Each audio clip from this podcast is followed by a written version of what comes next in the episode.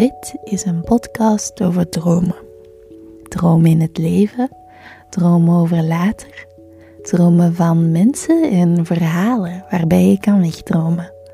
Om te luisteren met een theetje tijdens een fijne wandeling, voor het slapen gaan of gewoon omdat jij ook iemand bent die graag droomt. Ik ben Evangeline en welkom bij de vierde aflevering van Droomsessies. Een paar weken geleden had ik via mijn Instagram-pagina Kribbelsessies aan jullie de vraag gesteld welke mentale gezondheidsproblemen um, stoot je op? Of waar heb je het moeilijk mee betreffende je mentale gezondheid? En daar zijn heel veel vragen uit voortgekomen. Hele mooie vragen, maar ook wel moeilijke vragen um, waar ik zelf niet meteen het antwoord op weet. En daarom hebben we vandaag in deze aflevering een gast. Is een hele goede vriendin van mij. Um, en iemand waar ik echt naartoe ga om, om advies te vragen. Wij kunnen um, hele, echt urenlang vullen met praten over onze gevoelens en over mentale gezondheid. Um, dus ik ben heel erg blij dat zij vandaag aanwezig is bij deze aflevering. Lin, zou jij jezelf even willen voorstellen? Dankjewel Eva om mij al een klein beetje voor te stellen.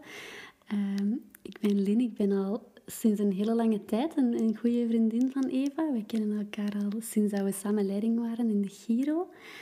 Um, ik studeer zelf psychologie. Ik zit momenteel in mijn laatste jaar en ik doe um, stage in de psychiatrie op dit moment bij jongvolwassenen.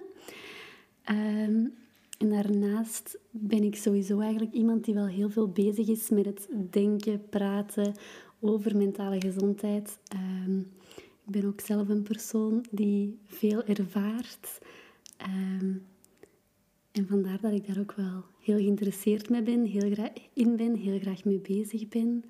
Um, dus ik ben blij om vandaag met Eva wat te mogen hebben over de dingen waar jullie ook mee zitten en waar jullie vragen rond hebben gesteld.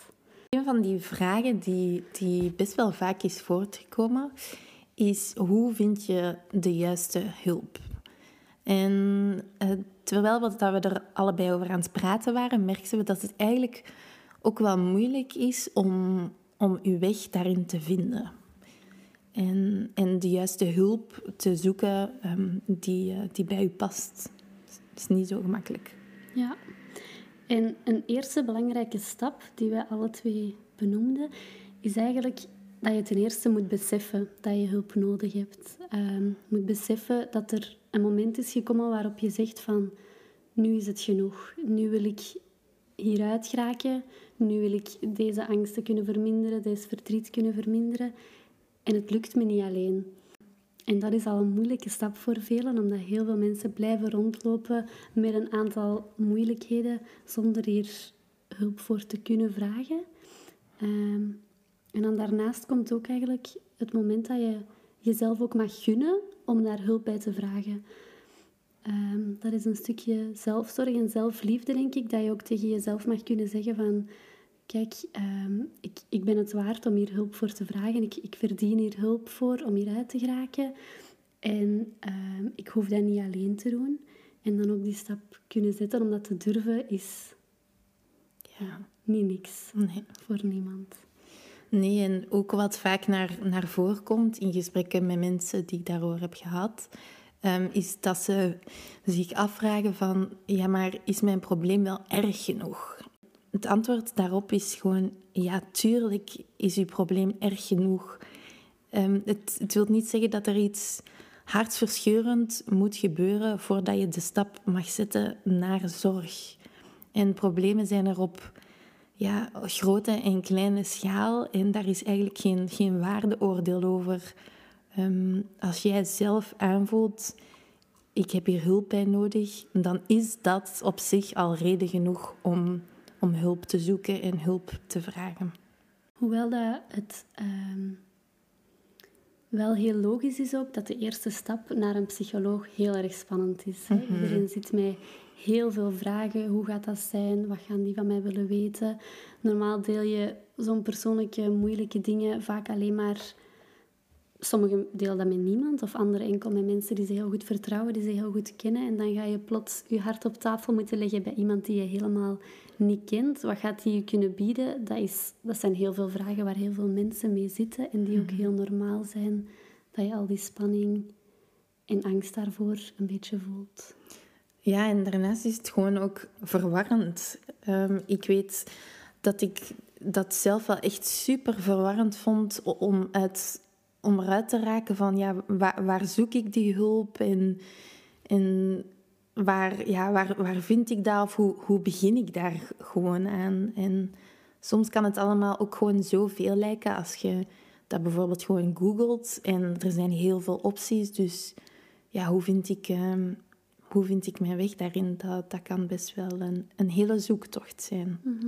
Dat klopt ook dat het hulpverleningssysteem een heel, heel ingewikkeld bos is waar je soms de bomen inderdaad niet meer doorziet. Ehm zelf hulpverleners zelf kunnen er vaak moeilijk aan uit voor welke problemen je net waar terecht kan. Maar ehm, daarvoor zijn er wel een aantal manieren om heel laagdrempelig aan de juiste informatie of de juiste eerste lijns hulp zeg maar, al te komen. En dat is bijvoorbeeld via telefoon of chat, dat je eigenlijk heel laagdrempelig al terecht kan. Zo heb je bijvoorbeeld AWEL, waar je naar kan chatten of bellen als jongere, of teleonthaal als volwassene. Als je met vragen zit, daar kan je al praten over een aantal dingen, maar kan je eigenlijk ook terecht met vragen van hoe of kan ik hulp vinden voor dit probleem bijvoorbeeld? Waar kan ik terecht die ook de juiste doorverwijzingen kunnen geven? Ja, en daarnaast ehm, wil ik ook zeker zeggen dat als je voelt dat het allemaal al te veel is of dat je echt geen uitkomst meer ziet, ehm, weet dan ook dat er een zelfmoordlijn is. Ehm, ik ga die ook in de beschrijving zetten van deze aflevering. En dat is een lijn waar je ook compleet anoniem, net als met de andere die Linda al heeft aangehaald, kunt praten en waarbij je gewoon je hart kunt luchten of ehm, ja, waarbij het even kwijt kunt. Dan heb je ook een aantal ehm, dingen die iedereen kent, zoals de huisarts waar je altijd bij terecht kan eh, voor vragen die jou ook kan doorverwijzen naar een psycholoog. Ehm, als je op school zit, het CLB is iets heel belangrijk waar heel veel jongeren de, ja, de eerste stap naar hulpverlening eigenlijk bij maken. Ehm, zo heb je ook het CAW, dat is het Centrum Algemeen Welzijn voor volwassenen, waar je altijd heel makkelijk bij terecht kan.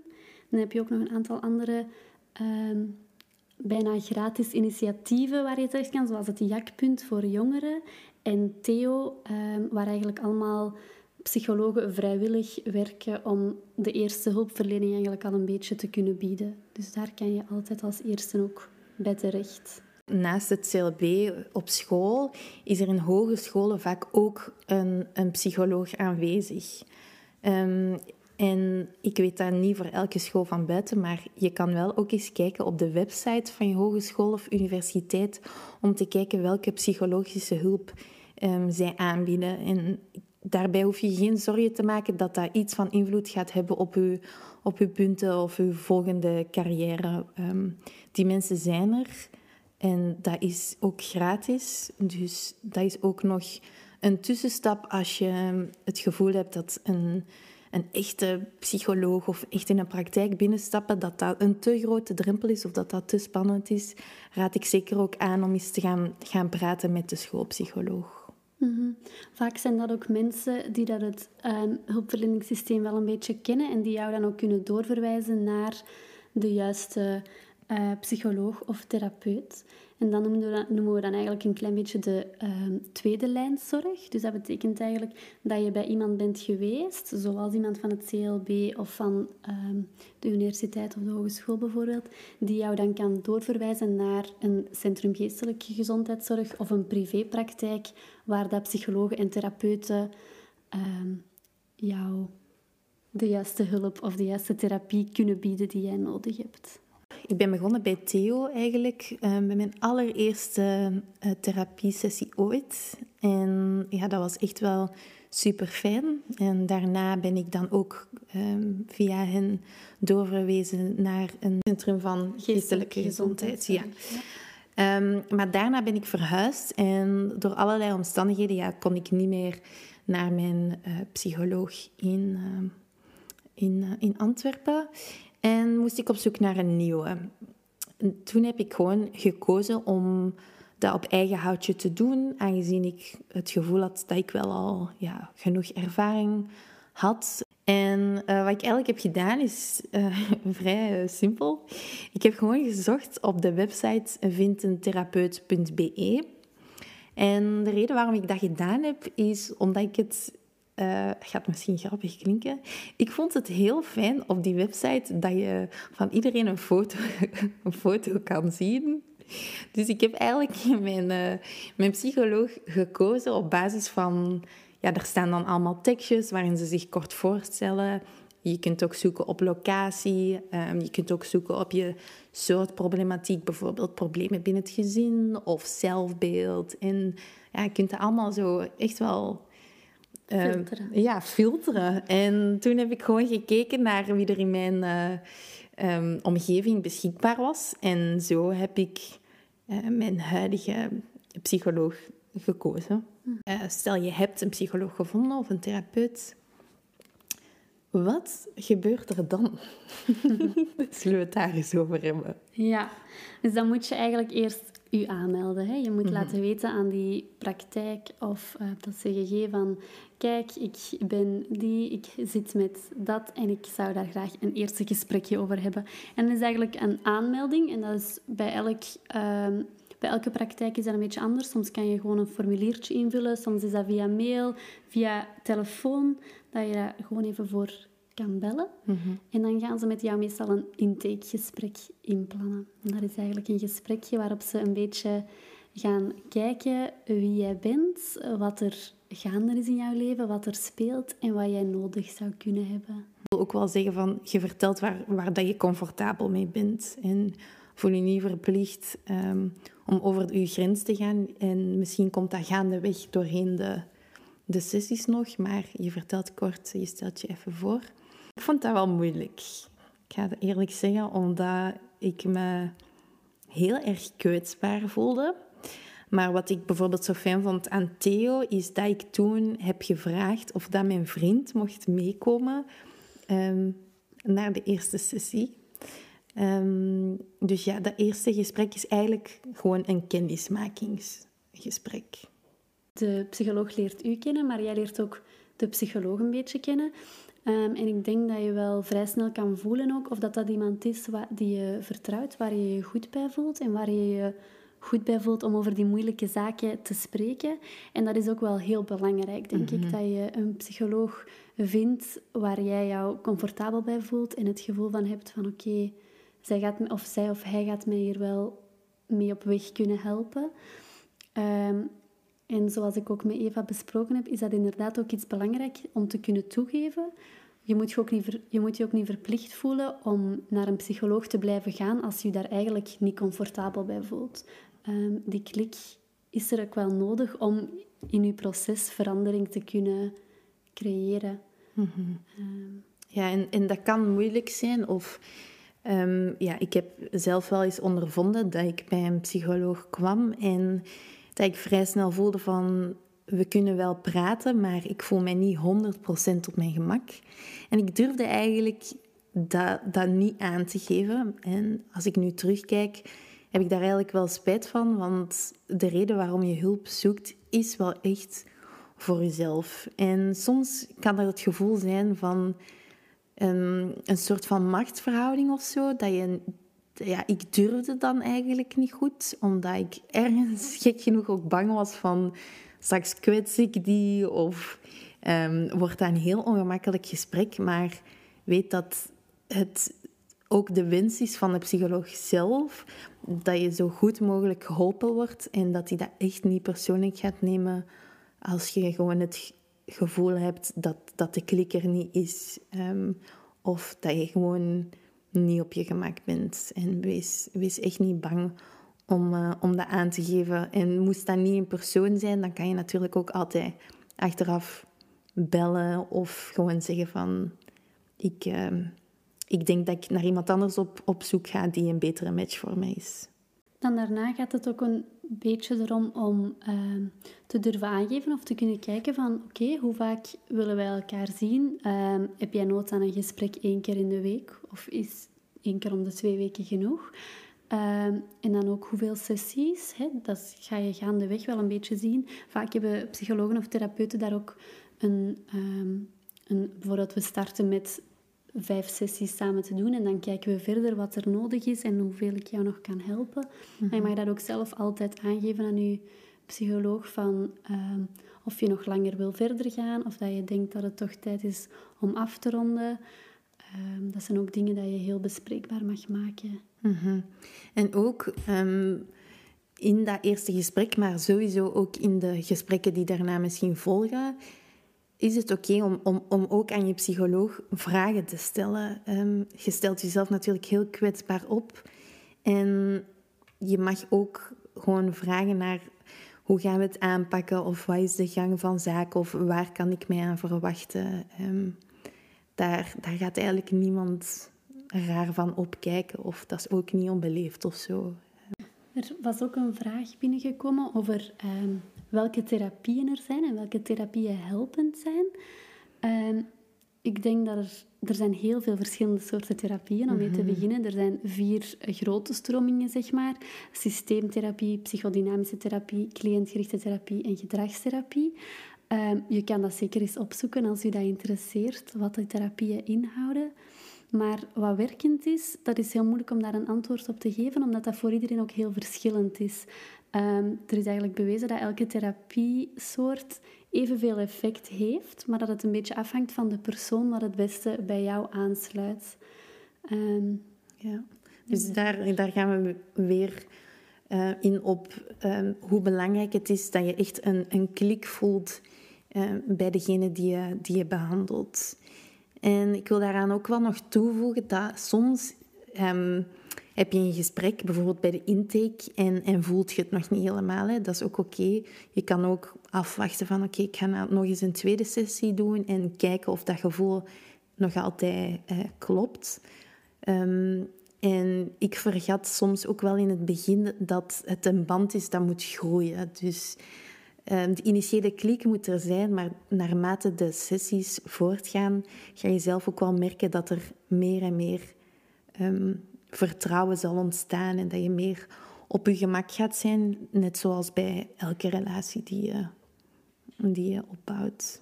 Lin, daar moeten we het ook even over hebben. Hè? Mhm. Wat, wat kost dat grapje? ja, wat kost dat? En ook wat als je niet het geld hebt mhm, mhm. om, om een, een, psycholoog te betalen? Ja. Uh, psychologen zijn duur tegenwoordig. Mhm. Eh, ik denk als je het opzoekt, privépraktijken, een psycholoog die een zelfstandige psycholoog is, ehm, vraagt meestal ja. tussen de 45 tot 80 euro per uur misschien. Hangt er een beetje van af, maar dat is ja, heel veel geld, wat inderdaad niet iedereen kan betalen. Nu zijn er inderdaad ook ehm, alternatieven die daar goedkoper zijn.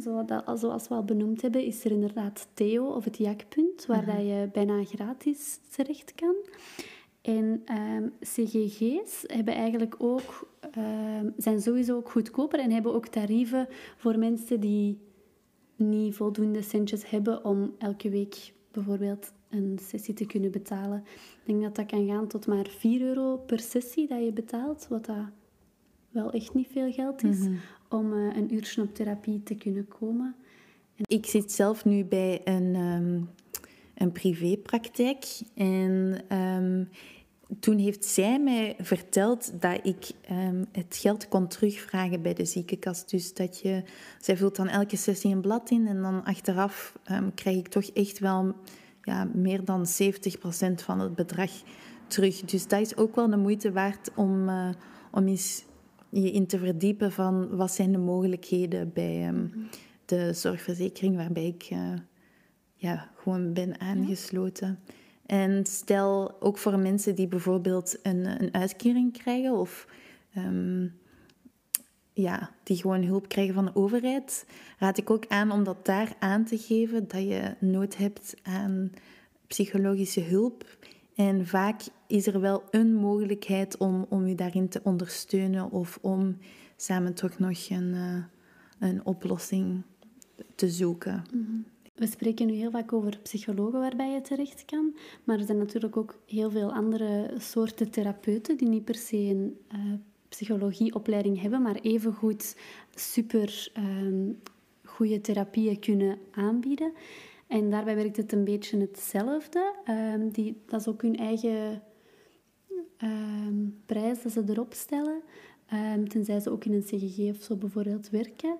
Maar daarnaast heb je natuurlijk ook nog psychiaters, waarbij je mhm. ook terecht kan. Um, niet alleen voor medicatie, maar ook voor een gesprek of voor um, een behandeling. En daarvan kan je, uh, kan je meestal ook nog wel heel wat centjes terugtrekken. Net zoals dat je naar de huisarts gaat, mm kan je daar ook wel heel wat geld van terugkrijgen, omdat dat eigenlijk ook echt dokters zijn. Hè? Mm Nu we het toch hebben over, over psychiaters, een, ehm, een groot verschil, maar daar gaan we nu uh, niet heel veel op ingaan, is dat psychologen geen medicatie voorschrijven, maar psychiaters wel, omdat dat ook uh, dokters zijn. En ik heb ook al vragen gekregen over ja, hoe, hoe kom je dan aan die medicatie? Of hoe, hoe besef je dat, dat je op zo'n punt bent dat, dat, je dat, dat je dat moet nemen? Ik ben eigenlijk zelf um, naar de huisarts gegaan ik heb last van een angststoornis en ehm, een goede indicatie eigenlijk om je af te vragen van ja, is het nodig voor mij om medicatie te nemen? Is dat het voor mij echt um, mijn dagelijks leven begon te beïnvloeden en dat ik echt niet meer functioneerde zoals ik zou willen. En toen ben ik dus naar de huisarts gegaan, op aandringen wel van mijn omgeving. Want ik vond dat zelf heel moeilijk om dat toe te geven, dat, Ehm, ondanks dat ik naar de psycholoog ga, dat ik misschien ook iets van medicatie zou, zou moeten nemen. Um, en mijn huisarts heeft mij toen antidepressiva voorgeschreven.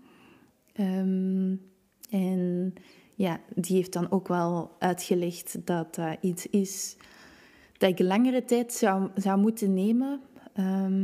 en ik schrok daarvan. En mijn eerste vraag was dan ook: moet ik dat nu heel mijn leven nemen? En die zei nee. En dat is ook een, een soort van vooroordeel, denk ik, dat bestaat over, over antidepressiva en andere medicatie, dat dat meteen een soort van ehm, ja, straf of zo is, dat je, dat je levenslang die medicatie gaat moeten nemen. En, en vaak is dat niet zo. En zelfs al is dat wel zo, dan is dat echt geen schande. Want ik kan wel echt zeggen dat, uh, dat dat voor mij een wereld van verschil maakt. En dat ik wou dat ik vroeger die stap had, had durven zetten um, om uh, antidepressiva te beginnen nemen. Er zijn superveel verschillende antidepressiva op zich. Uh, superveel verschillende soorten medicatie. En het is een beetje zoeken inderdaad welke medicatie het beste bij u past. Welke mhm. medicatie bij u een goed effect heeft en niet te veel nevenwerkingen veroorzaakt. En welke dosis dat ook het juiste effect heeft en waar je ook bijvoorbeeld niet te suf van wordt. Mhm. Ehm, maar dat is ook vaak een, een, zoektocht die je, die je moet aangaan samen met je dokter, psychiater. Ja. Ehm. Ja, want mijn, uh, ik ben begonnen op een hele lage dosis en ik heb die Um, ik neem die nu zo'n zo'n zes maanden. En in die zes maanden is mijn dosis ook twee keer verhoogd. En dat wil niet zeggen dat, um, dat het niet werkt, maar zoals Lina al zei, het is vaak eventjes zoeken naar, naar de juiste balans. Um, het duurt even voordat het begint te werken, toch twee, twee à drie weken voordat je dat heel hard voelt. En daartussen is het gewoon belangrijk om, om als je merkt dat, dat je te veel um, neveneffecten hebt of dat je toch nog um, in dat diepe dal geraakt, om terug te gaan naar je huisarts en daarover te praten en eventueel um, de dosis te verhogen. En bij veel mensen gaat dat zo in zijn gang dat je begint met medicatie te nemen, dat je ondertussen ook een, een therapie start en een behandeling ehm, ondergaat, samen met je therapeut, psycholoog of eender wie. Ehm, en dat je dan na een tijdje ook gaat terug kunnen beginnen afbouwen. Hè? Mhm. Dat je je iets stabieler gaat voelen, um, iets beter gaat voelen en dat je denkt van oké, ik ben klaar om het stapje voor stapje terug af te bouwen. Um, daarbij is het belangrijk om dat zeker niet te snel te doen en dat heel voorzichtig aan te pakken en voorzichtig te bespreken met uw psycholoog of psychiater, uh, zodat je niet direct terug heel diep zakt. Mhm. Ehm, maar wat ik ook wil vermelden is eigenlijk dat er ook best veel mensen zijn die dat voor jaren, um, soms zelfs levenslang, eigenlijk een bepaalde dosis antidepressiva nemen, mhm. bijvoorbeeld. Omdat ze voelen dat hun dat beter doet voelen en dat ze ehm, gewoon een, een draaglijker leven kunnen hebben met deze medicatie. En daar is op zich ook niks mis mee. Het is niet zo bij antidepressiva, like bij drugs, dat je steeds meer en meer gaat nodig hebben om hetzelfde effect te hebben. Ehm, sommige mensen die gebruiken dat voor de rest van hun leven en dat is ook oké. Daar is eigenlijk niks mis mee, zou ik zeggen, als, als dat maakt dat jouw leven iets draaglijker en zachter kan zijn. Er was hier rondend ook een vraag uh, van iemand die stelde wanneer ben je genezen? Mhm. Wanneer kan ik stoppen met medicatie? Ehm, ik denk dat het heel belangrijk is om te beseffen dat, een, dat mentale gezondheid niet in hokjes te vatten is. Um, er wordt heel vaak de term geplakt, je hebt een depressie, uh, je hebt een angststoornis, maar we moeten ons heel bewust zijn dat dat allemaal een continuum is. Hè. Iedereen heeft slechte dagen of, of voelt zich wel eens slecht. En als dit overgaat naar zoals Eva net ook zelf vertelde, je zo slecht of angstig voelen dat dat je dagelijks leven ook gaat beperken of je functioneren gaat beperken, ehm, dan, dan worden daar wel eens diagnoses op geplakt. Maar het is niet zo dat je, dat je dan zegt van vanaf dit punt ben je ziek of vanaf dit punt ben je genezen. Ehm, ja, het is allemaal niet zo zwart-wit als ziek zijn en en genezen zijn. Ik denk wel dat je soms kunt voelen van oké, het, gaat, het gaat beter.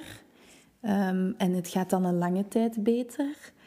Um, en dan is dat natuurlijk enkel iets om toe te juichen. Het is fijn dat dat beter gaat. Maar het is ook niet zo als het dan weer minder gaat, dat je hervalt of dat je mhm. weer, weer ziek bent. Dat is niet iets wat echt in een lijn te vatten valt of in een hokje inderdaad van ziek of genezen. Mhm, mhm. Ja. ja.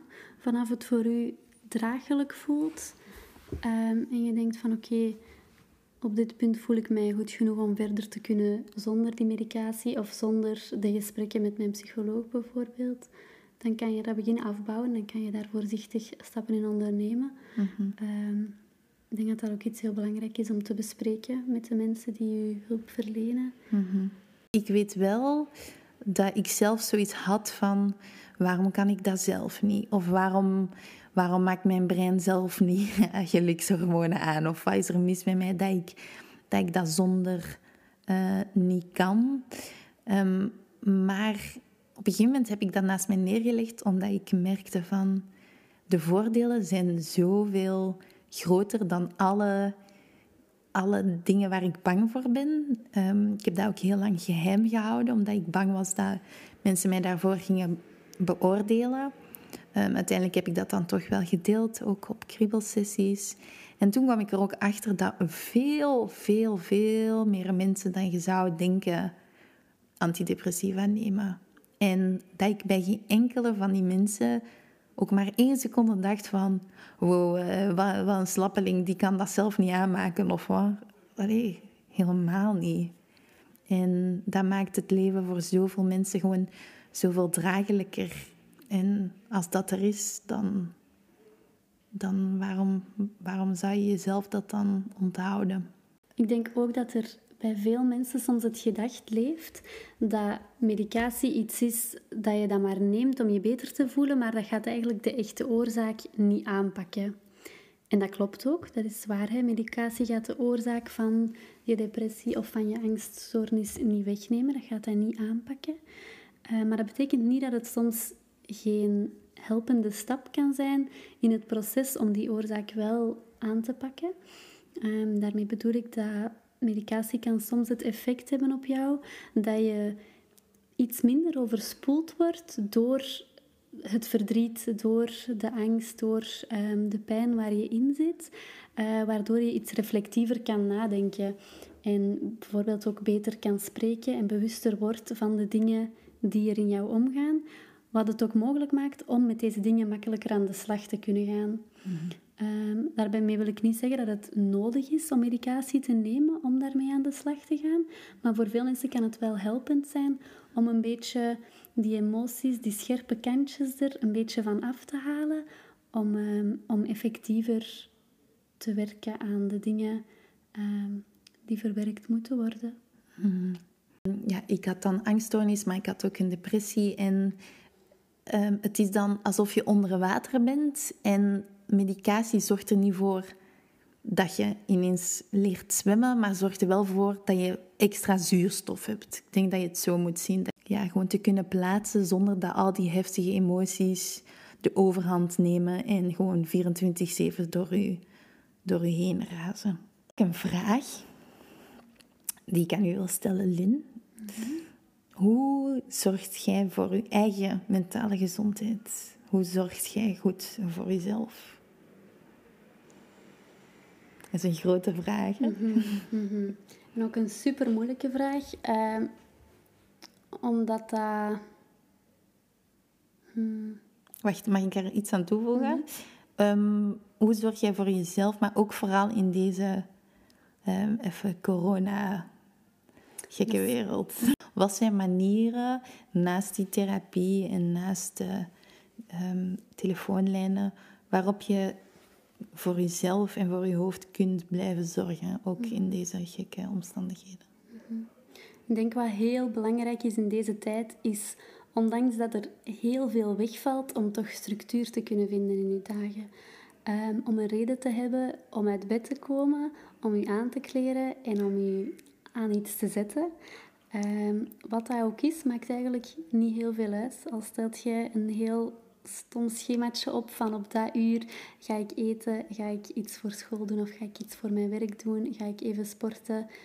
Um, dat doet er niet zoveel toe, maar wel dat je, dat je een structuur vindt voor jezelf, een ritme um, waarop je kan leven op dit moment. Mhm. Daarnaast denk ik dat hoewel het moeilijk is omdat we onze contacten heel ver moeten beperken, mhm. dat het toch heel, heel, heel belangrijk is om nauw in contact te kunnen blijven met je omgeving en met de mensen waar je energie uit haalt en waar je veel om geeft. Mhm. Ehm, dus die paar vrienden of vriendinnen die je nog mag uitnodigen of die je nog mag zien, doe dat ook op voldoende afstand. Ehm, voor mijzelf is dat iets enorm belangrijk waar ik heel veel uithaal om daar toch nog mee te kunnen babbelen, dingen samen te kunnen doen.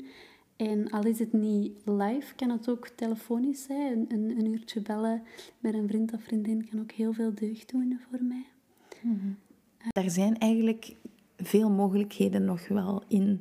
Je kunt bijvoorbeeld gaan wandelen op anderhalve meter afstand. Sowieso even buiten, buiten zijn kan mhm. ook echt zo'n verschil maken. Ehm, vooral als je student bent in een stad of gewoon weer terug bij je ouders. Om er gewoon even uit te zijn, in het groen liefst als dat kan. En gewoon even een wandeling, een wandeling te doen. Zo even een verandering van, mhm, van mhm. omgeving, van, van perspectief. Dat, ja, dat, achteraf merk ik wel altijd dat ik me veel beter voel. Als ik even zo'n goed eindje ben gaan wandelen. En dat kan ook al bellend zijn of al wandelend met iemand of alleen. Ja, inderdaad. Ik denk ook dat ehm, van die belangrijke dingen die wel een verschil kunnen maken, is dat je bijvoorbeeld verschillende plaatsen in je huis een plaats geeft voor en hier ga ik werken en hier ga ik mhm. mijn pauze nemen en hier slaap ik, maar dat dat niet éénzelfde plek is, maar dat je echt ehm, die plekken voor jezelf uitkiest. Mhm.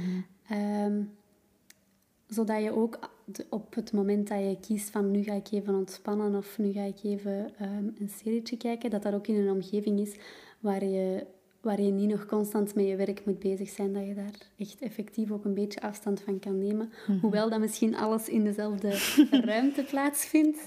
Um, dat je dat toch een beetje kan distancieren van elkaar. Zodat je niet het gevoel krijgt dat heel je werkleven en je persoonlijk leven, dat alles gewoon één grote mengelmoes is waar, waar je niet meer aan uitraakt. Uh, dus ik, uh, ik sluit me daar ook wel bij aan. Het is niet makkelijk. Het is, uh, het is een heel gek jaar. En geef uzelf of probeer uzelf ook gewoon de toestemming te geven als het allemaal een beetje minder gaat. Als je het gevoel hebt van, ik, ben niet, ik ben niet zo productief als normaal, of um, ik ben gewoon moe of zo, of ik vind het allemaal best wel gewoon verwarrend. Laat, laat jezelf dat gewoon, gewoon voelen. Dat is moeilijk, hè? Want uh, vaak zijn we daar als mensen toe geneigd om meteen een oplossing te vinden. Um, maar probeer wel om, om gewoon heel mild, mild te zijn met jezelf. Jezelf even een break te geven, ook in je hoofd. Eh, want soms is ons hoofd nog het ergste. En dan zit daar zo'n gemeen mannetje die, die zegt van... En nu moet je... Nu moet je dit doen. Of soms is het zelf... En nu moet je ontspannen. En ja, dat werkt niet. En bij deze toestemming om tegen dat mannetje te zeggen zwijg. Laat me even meer rust. Laat me even meer rust. Mhm. Ja, gewoon lief zijn, zo lief mogelijk zijn voor jezelf. En, ja, en het is zeker oké in deze tijden vooral, altijd eigenlijk, om inderdaad je op bepaalde dagen minder goed te voelen. Bepaalde momenten te zeggen, nu blijf ik even gewoon in mijn bed liggen. Mhm. En ik neem even tijd om nog een uurtje extra te slapen of een uurtje alles eruit te wenen. Mm -hmm. ja, gun jezelf dat inderdaad. Niks moet. Nee, niks moet. En we zijn allemaal mensen en we hebben allemaal emoties. En ik denk dat ik hiermee gewoon wil zeggen van... In dit alles ben je, ben je echt niet alleen.